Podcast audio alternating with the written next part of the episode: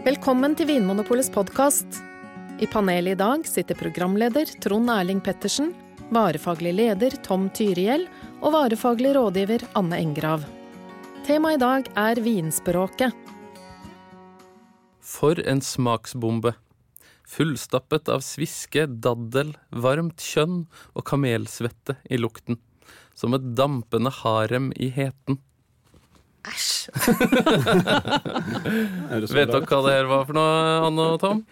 Jeg har hørt det før. Ja, hva er det for noe?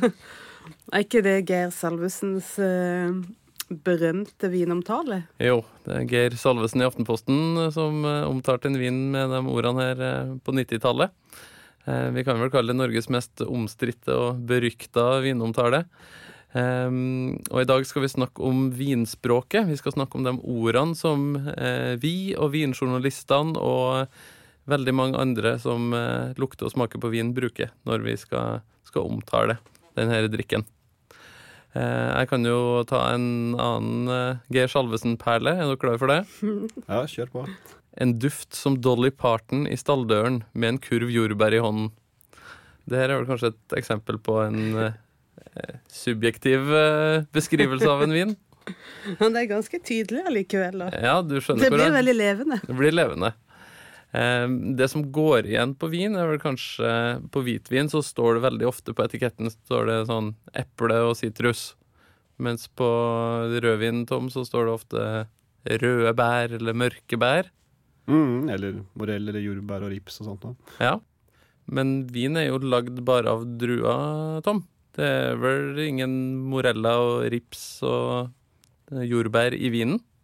Nei, det, er ikke det. Så det er ikke sånn at jeg har puttet rips eller jordbær oppi. Men det som gir skal si, duften av jordbær, det kjemiske virkestoffet, det finner man også i vin. Vin er en veldig kompleks drikk, og mange av de stoffene man finner i andre ting, det kan man også finne der. Derfor kan vin lukte da, jordbær eller morell eller rips eller blåbær. Ja. Så det, det stoffet som gjør at jordbær lukter jordbær, det fins i vin òg. Nettopp. Så dem som eh, finner lukt av eh, dampende harem i heten, Hanne, eller eh, sjøbunn og eh, diesel, de er ikke helt ute å kjøre. Nei, alt er kjemi, egentlig. Når du leser om vin, kan du støte på noen uvanlige ord og uttrykk. Her er en liten guide til noen av dem. Ordene garvestoff og tannin brukes om hverandre. Uansett er det snakk om de stoffene i vinen som gir en tørr og snerpende følelse i munnen. Når vi snakker om animalsk, tenker vi på aromaer som minner om dyreriket, f.eks. kjøtt, blod og lær. I moden lagringsvin kan dette være positivt. Uttrykket balsamisk handler ikke om å vaske håret, men om svale og kjølige aromaer. Det kan være lukt av kvae, furunål, mynte, kamfer, røkelse og eteriske oljer. Blomsterpreget betyr rett og slett lukt og smak som minner om blomster, f.eks. roser og fioler. så finnes det jo en del eh, aroma, eller en del ord, som både vi som jobber med vin, og eh, mange som er interessert i vin, eh, bruker helt naturlig. Eh, eksempel lær, asfalt, asfalt, blyantspiss, eller petroleum, smør og gress, og en del eh, sånne ord som du kan finne i vinomtaler, eksempel, Anne. Eh, og som mange som er mindre interessert i vin, syns virker veldig rar. Ja. Finnes det sånne aromaer i vin? ja, det er jo alt det som man på en måte bruker altså De ordene man bruker for å beskrive den luktopplevelsen, det er jo assosiasjoner man får til Mm. andre fysiske ting rundt oss, da. Og som vi var inne på, så er jo de samme luktstoffene som fins f.eks. i smør, kan òg finnes i vin. Ja. Eh, Hvor er det stoffene oppstår, Tom? Er det når druesafta gjærer at de her luktstoffene oppstår? Hvor kommer Ja. de fra? Um, noe kommer fra selve druen, og det er det vi kaller for primæraromaene. Mm. Sånn som at ting kan lukte litt sånn grønt, som hun sier det, sånn som umoden grønn paprika eller gress og sånt noe. Ja. Det, det kommer fra druen. Eh, kan, eh, men så er det også det som kommer fra selve gjæringen. Mm. Der skjer det kanskje det meste. Mm. Og du nevnte jo smør som et eksempel. Det Ja. kommer kanskje fra ettergjæringen, faktisk. At man lar vinen ligge på gjærrestene, tar og eh, virvler opp disse, og så Mm. får du liksom en sånn smørtoner i noen typer viner. Ja. Hvis jeg sier at en vin lukter mineralsk, for eksempel, Anne, Ja. hva tenker du på da? Ja, det er jo et litt sånn omdiskutert begrep, da. Ja. Men, Men jeg tenker jo på en lukt. ja, at noe lukter som om du har lukta på noe fra mineralriket, for å bruke 20 spørsmål-terminologien. Ja. Som har lukt Det er noe som ikke er frukt, i hvert fall. Mhm. Og så er det noe som ja, ja, det er noe som eh, minner om stein eller eh, Ja. Salt eller eh, sjø eller noe sånt. ja. Mhm. Men så Det fins jo også de som mm, snakker om det som en smak. Mm. For det er jo forskjell på det du kan oppfatte med nesa, Mm. og det du kan oppfatte med munnen. Ja. Så, Si to eh, ord om det. og det som kommer opp Det du oppfatter med nesa, da, det er jo Mm. veldig, veldig, veldig mange ting. Ja, det, Alt, alt det man kan liksom tenke seg av lukter, er jo Mm. det man eh, har med nesa. Og det eneste man smaker med munnen, er jo da salt, surt, søtt og bittert. mm. Og så dette umami, da. Ja. Ja, så er det lett å tenke da at uh, Men hvorfor de tingene du lukter, de kjenner jeg når jeg smaker også. Ja. Mm. Da er det jo det at man har en egen åpning bakerst i munnen, som går opp, den kalles for retronasalen, Okay. som da går opp til nesa, slik at der får man lukten en gang til. Mm. Finnes det noen fasit, Tom, på hva det lukter og smaker av en vin? Du kan jo si at fasiten har den kjemiske sammensetningen, Mm. men klart dette her er jo en subjektiv greie. Mm. Fordi vi har ulike referanser, ulike minner, et ulikt uh, luktrepertoar. Mm. Så, så der vil det være ganske forskjellige. Men det å si, utvikle det språket og det å snakke om vin, så er vel det å etablere noen sånne felles begreper for Ja. disse tingene, det er vel det som gjør at man da klarer å diskutere vin meningsfullt uh, sammen. At du og jeg er enige om hvordan et eple lukter, og derfor kan jeg få fortalt deg at det lukter eple av den vinen her. Ja, at denne komponenten i vinen kaller vi for eple, så da vet vi at når vi beskriver den hvitvinen, så er det sånn eplepreget vin. Men kanskje en annen, f.eks. en, en eplebonde som kan eple veldig godt, og sier nei, dette er jo ikke eple, dette er mer pære, da, hvis vi hadde vært litt uh, upresise der. Mm. Eh, det ville kanskje blitt ganske kjedelige vinspalter i avisene, Anne, hvis vi bare skulle ha sagt at all hvitvin lukter eple og sitrus, og all rødvin lukter røde og mørke bær. ja, det er jo kanskje det vins, vinjournalistens dilemma. For det første skal du beskrive noe som er en sanselig opplevelse, Mm. på en måte som de fleste skal forstå. Ja. Og så skal du i tillegg være ganske presis.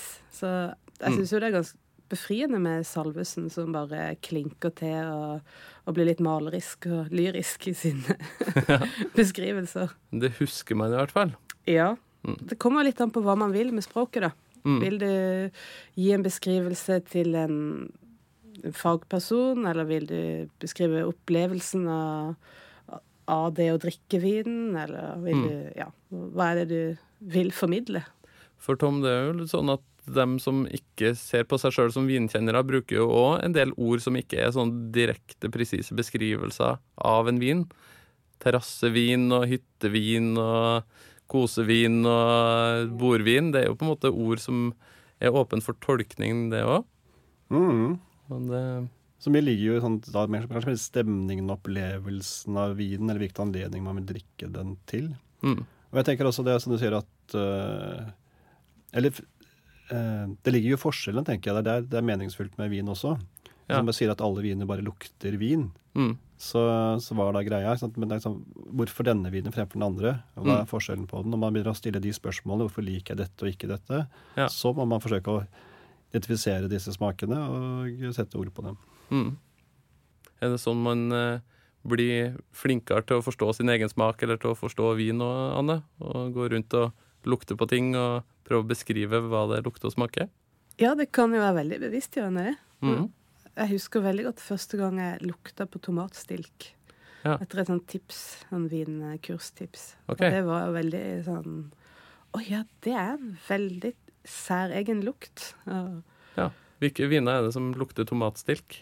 Nei, nei, man kan finne det i eh, en del Sauvignon Blanc-viner, eksempel. Ja. Og også noen sånn Det finnes også i en del um, Grand Champagne Cognac. Ja. Så er det også en sånn aromaknagg, som man sier. Så nå er det bare å gå hjem og lukte på tomatstilken i grønnsaksfatet. Jeg tenker også på sånn som sylvaner og grünerweltliner. Ja. Mm. Og det har litt en greie at plutselig så er det ok, dette er noen druetyper som ikke er sånn veldig aromatiske. Det lukter ikke så kjempemye, og de har ikke så mye frukt og bær. Mm. Og da har du plutselig ok, disse vinene, disse druene, Mm. sånn som sylvaner eller grüne veltliner, og du sa Sauvignon Blanc, Mm. så plutselig kan du si ok, da kan det være en av disse vinene som denne vinen er laget på, for den har den der eh, tomatstyrken i seg. Mm. Men jeg tror også det er viktig å ikke bli for eh, Selv om det er veldig gøy når man finner en sånn aromaknagg som er veldig tydelig. Mm. Det er veldig tilfredsstillende, da. Som Mm. regel så er det jo litt mer diffust. Men at man ikke blir for opphengt i det veldig sånn detaljerte når man skal prøve seg fram med vinspråket. Da Mm. måtte du heve blikket litt og så tenke litt Er det frukt, eller er det Og hvis det er frukt, er det da tørka frukt eller fersk frukt? Mm. Eller er det lær og jord, eller er det nøtter, eller er det Ja. At du bruker de litt mer sånn videre sekkebetegnelsene, da. Og da er det av og til kanskje òg det riktige er å bare si at vinen var god. Hvis du har fått den servert av en god venn, så er det kanskje viktigere å si 'tusen takk, den var god', enn å begynne å beskrive alskens aroma. Ja, tusen takk er alltid riktig.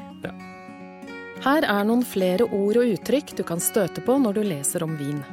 Fatpreget betyr at vinen får lukt og smak fra treverket når den lagres. Dette kan lukte vanilje, kokos, karamell eller rett og slett nysaget eller brent tre.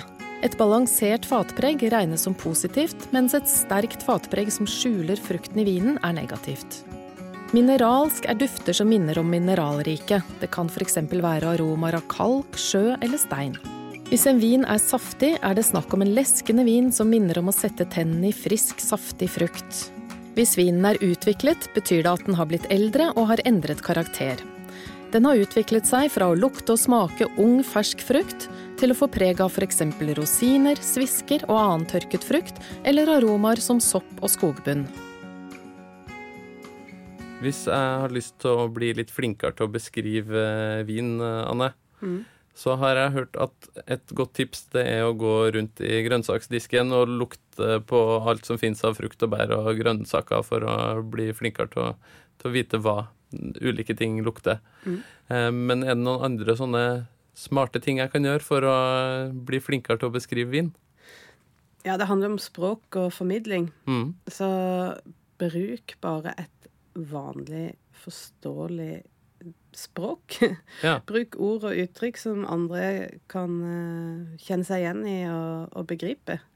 Så jeg skal heller bruke mine egne ord enn å prøve å være Ja. Geir Salvesen, er det du sier? Ja, ja, du behøver ikke bli en sånn poet eller uh, kjemiker eller uh, noe sånt. Du må bare prøve å liksom sette ord på det du opplever, da. Mm. Av både lukt og smak. Ja. Tom, hva syns du jeg bør uh, gjøre for å bli litt grann flinkere? Nei, et, du må gjerne slå til med metaforer hvis du er god på det, altså. Men man kan også starte i andre enden, og ikke være så redd hvis du ikke kjenner noe i begynnelsen. Sant? Du- Mm. du kjenner bare rødvin, så er det helt greit. I begynnelsen så, så er det ofte bare det man kjenner. Mm. Men ha, ha tålmodighet, og så, så vil du etter hvert begynne å kjenne mer.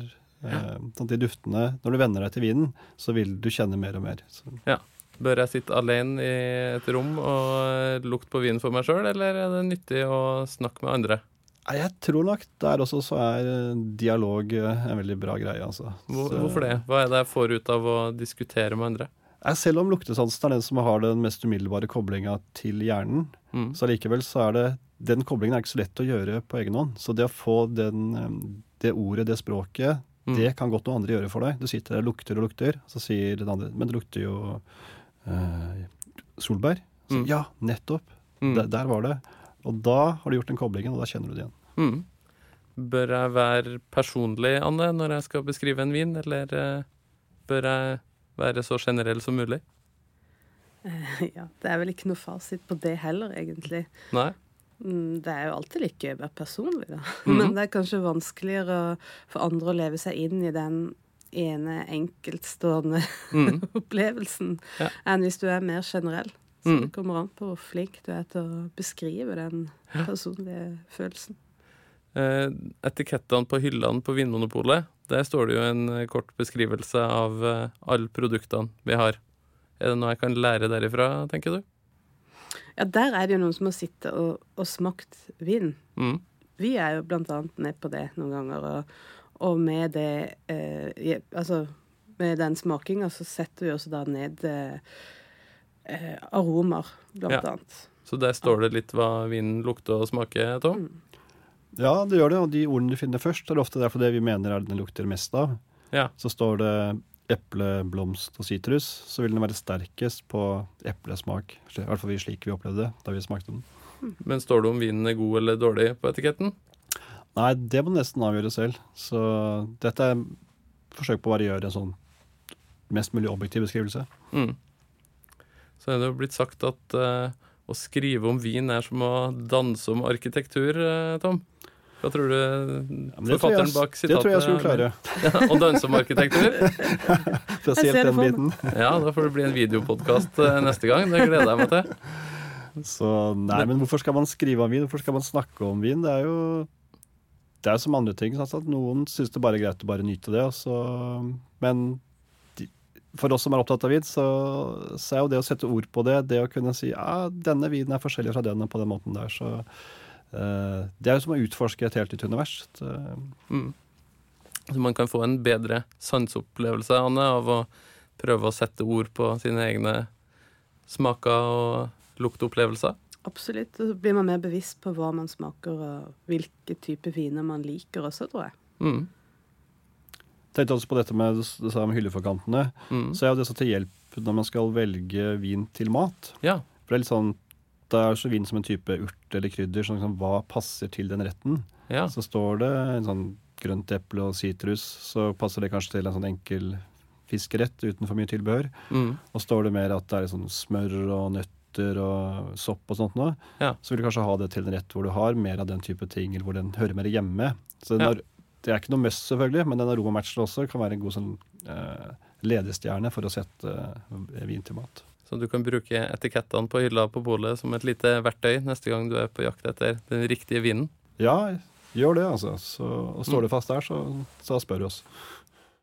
Anne og Tom, hvis jeg nå har lyst til å gå på Vinmonopolet og kjøpe meg ei flaske vin for å finne en litt annerledes aroma i vinen eh, Først, Anne, hvilken eh, flaske bør jeg be om?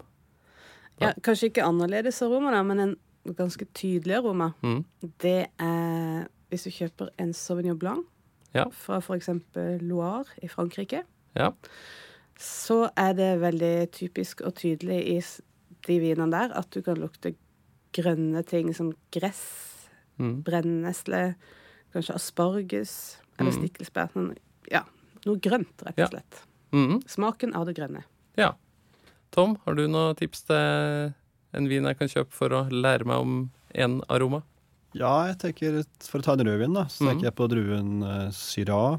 Mm. Så fra Kanskje helt fra Nordåen, så du får for en 100% Syrah. Mm. Um, og den lukter av mørkebær, type blåbær, bjørnebær, krekling. Mm. Den har litt sånn lyngaktig i seg, litt kamfer og litt pepper. Mm. Så der er det flere ting man kan kjenne etter. Og den pleier ofte å være ganske sånn tydelig aromatisk, som vi sier. Ja, så rødvin med duft av pepper, da spør jeg etter syra fra Nord-Ron, og hvitvin med et grønt innslag, og det Sauvignon Blad fra Loire i Frankrike, f.eks.